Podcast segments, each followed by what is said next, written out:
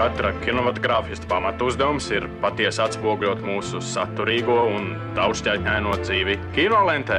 Izceļot tipisko un izlaižot mazsvarīgo, akcentējot panākumus un nenoklusējot dažkārt sastopamus trūkumus. Balansējiet, nu godājiet vēseli inženieri starp pienākumu un varēšanu. Pie jūras klimats par kino. Esiet sveicināti pie jūras klimata klausītāji! Kā ik gadu Baltijas kino notikums aizsāk kino pavasaris. Tā sauc Viļņā jau 26 gadus notiekošo starptautisko festivālu.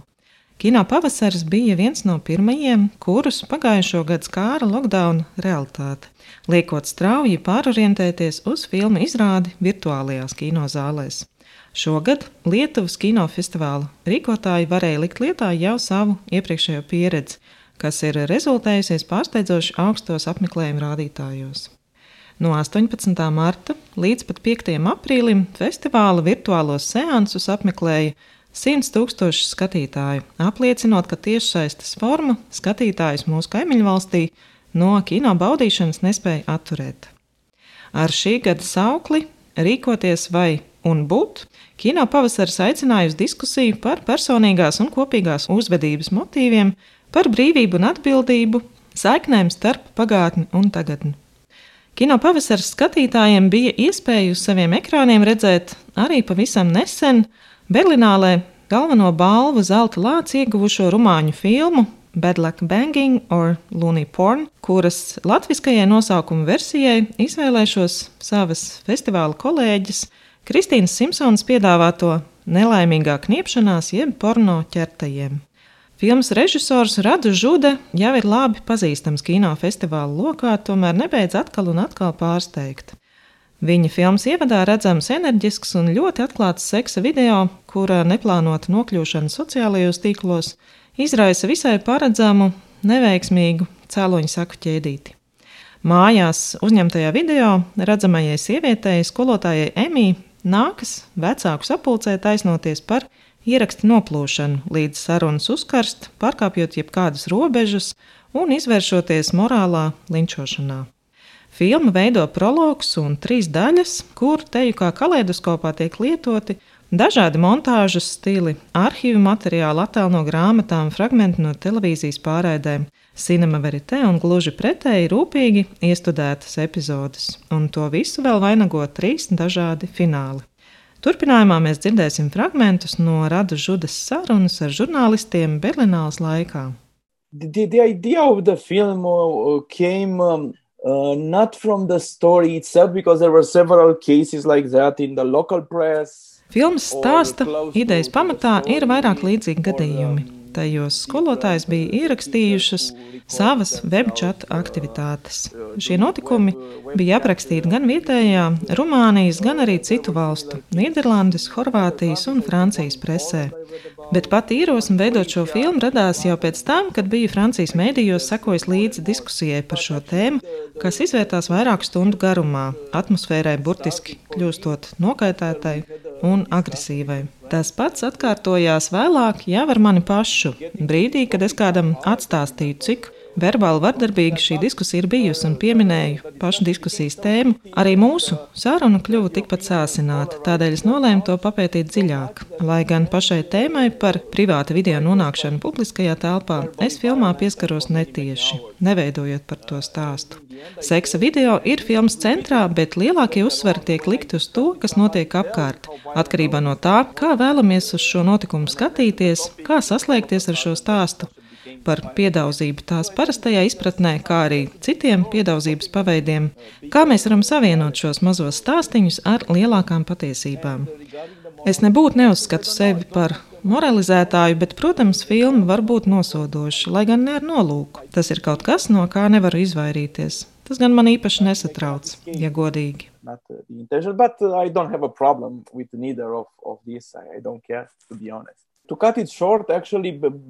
Pandēmija ienāca mūsu plānos negaidīti. Kad pirmais lockdown tuvojās beigām, mums nācās izlemt, vai vēl nogaidīt, vai arī turpināt filmēšanu.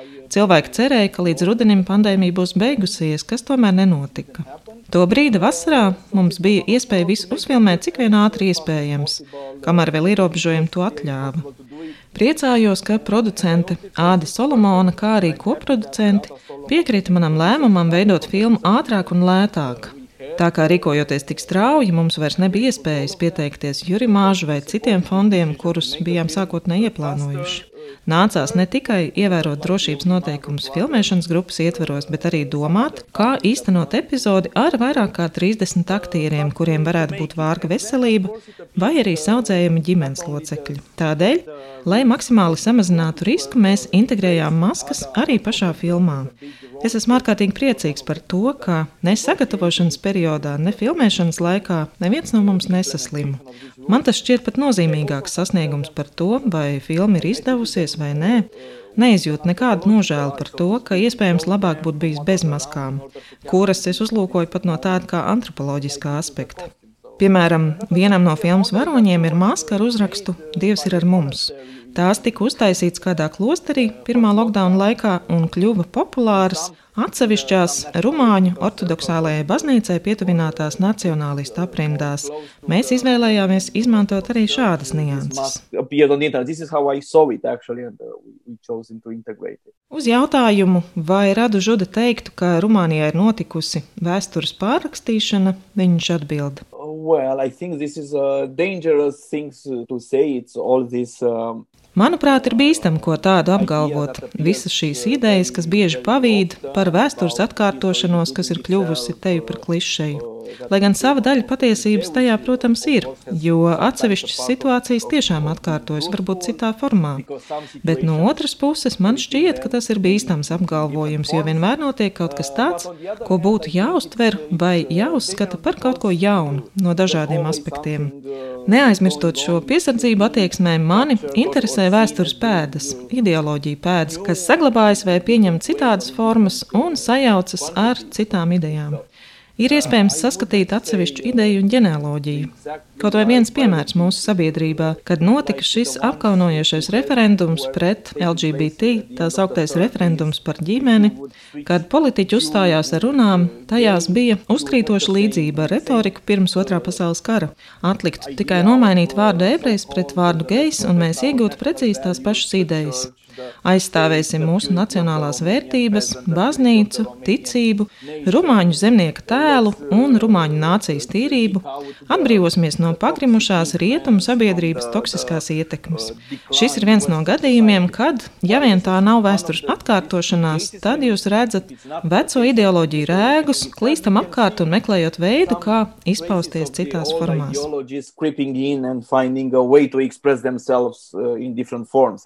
Uz jautājumu, jautājumu, kādēļ runāšana par seksu ir tik atbilstošs veids, kā runāt par politiku Rumānijā, Žudī atbild.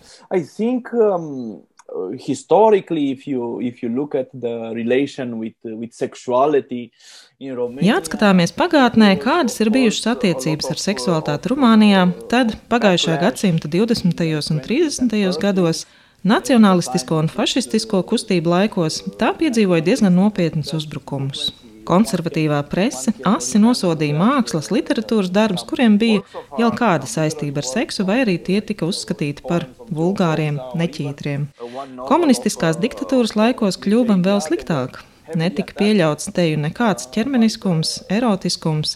Televīzijas saturs tika smagi cenzēts.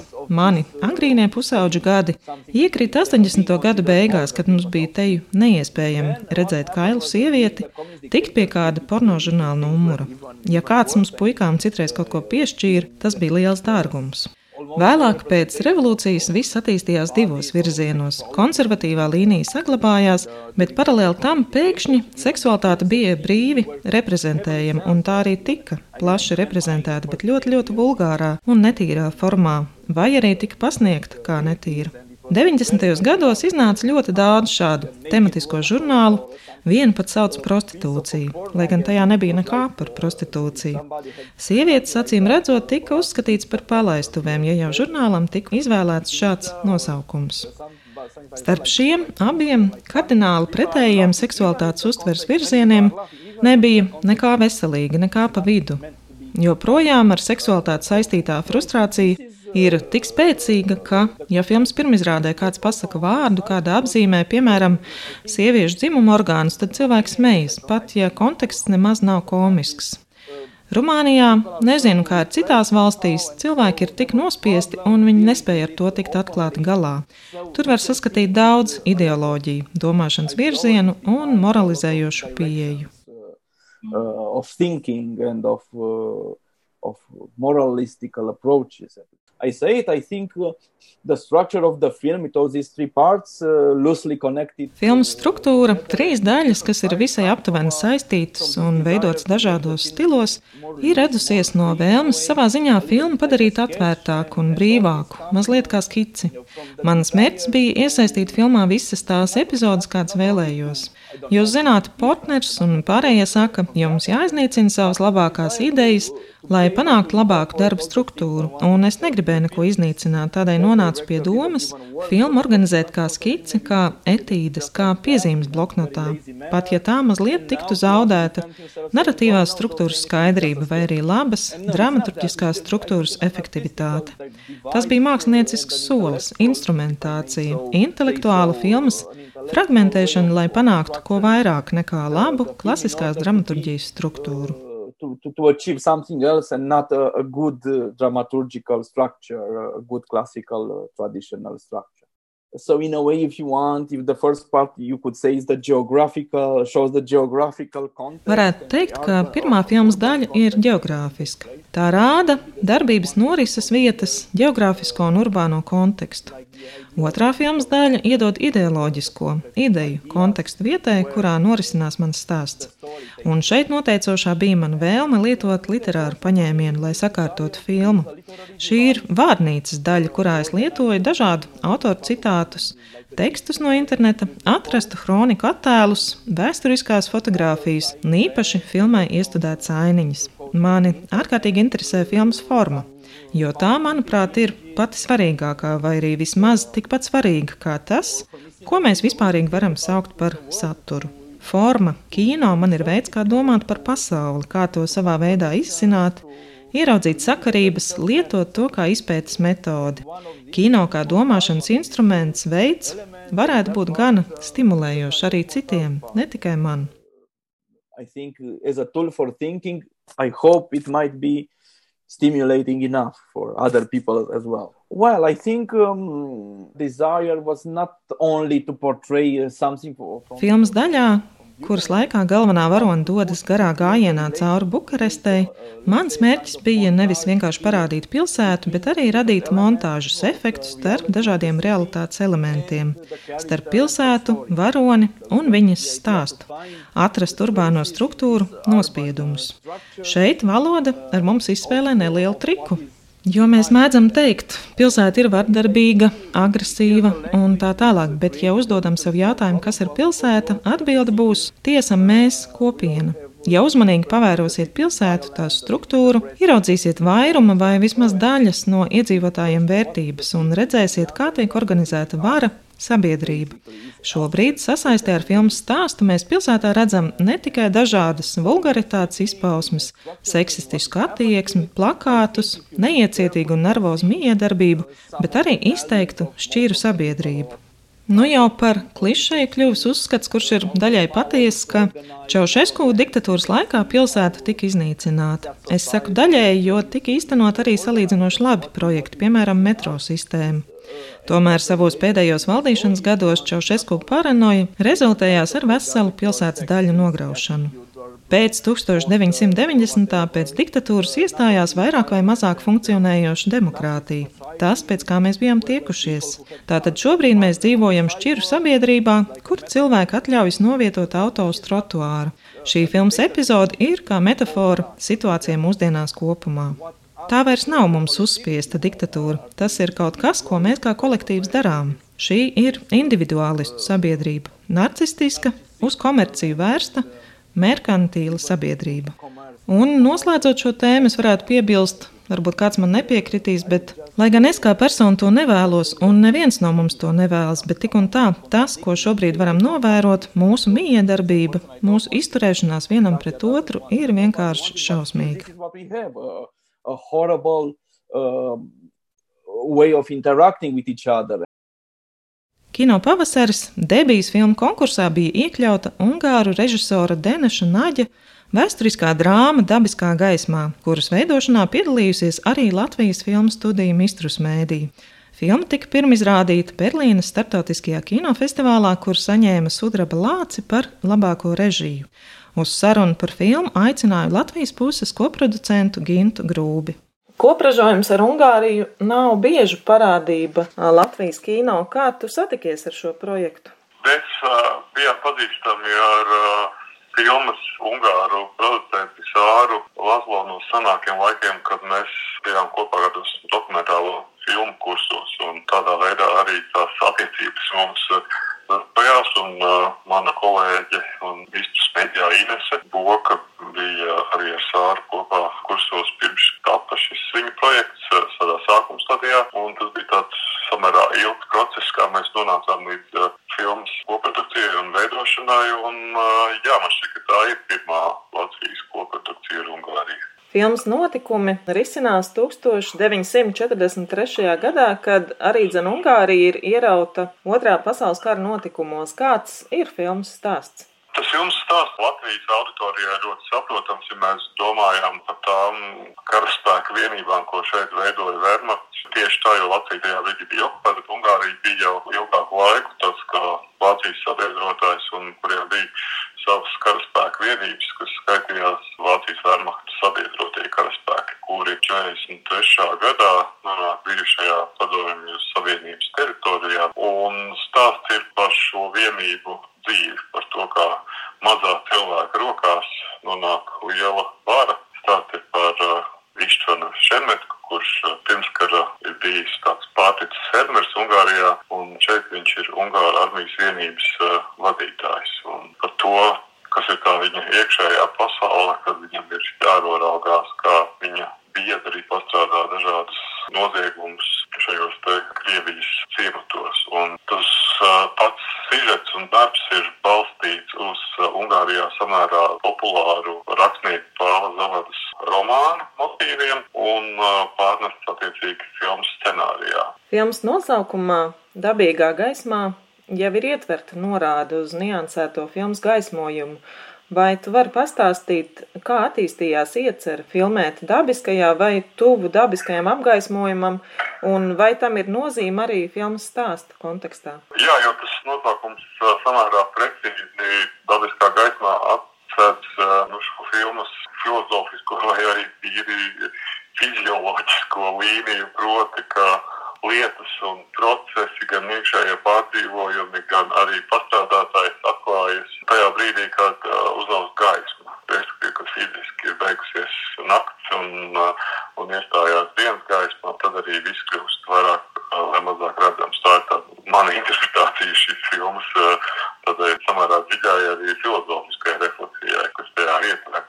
Jo tas arī nebija pārsteigums, ka pēc uh, Berlīnas kinofestivāla filma tika salīdzināta ar tādu ungāru kino valodu, kas ir uh, iezīmējušies ar uh, Nemešu Latvo, ar Saulu dēlu, un kas savulaik šķiet kanās startēja un arī ieguva Oskaru vēlāk kā labākā ārzemju filma. Tur ir zināmas paralēlas ar šo te veidu, to tieši to vizuālā stāstījuma veidu, kas ir gan Nemešam Lazlo, gan Denešam Naģieviņam. Šī ir pirmā režisora Deneša Naģa filmetrāžu spēļu filma. Vai Berlīnāls balva nāca kā pārsteigums, jeb arī jau pirms tam jums bija pārliecība par to, ka darbs tiks ievērots? Man šķiet, ka ja filmā tiek ieguldīts tik ārprātīgi milzīgs darbs, kā tas bija, lai taptu dabiskā gaismā, jo tas patiešām bija vairāk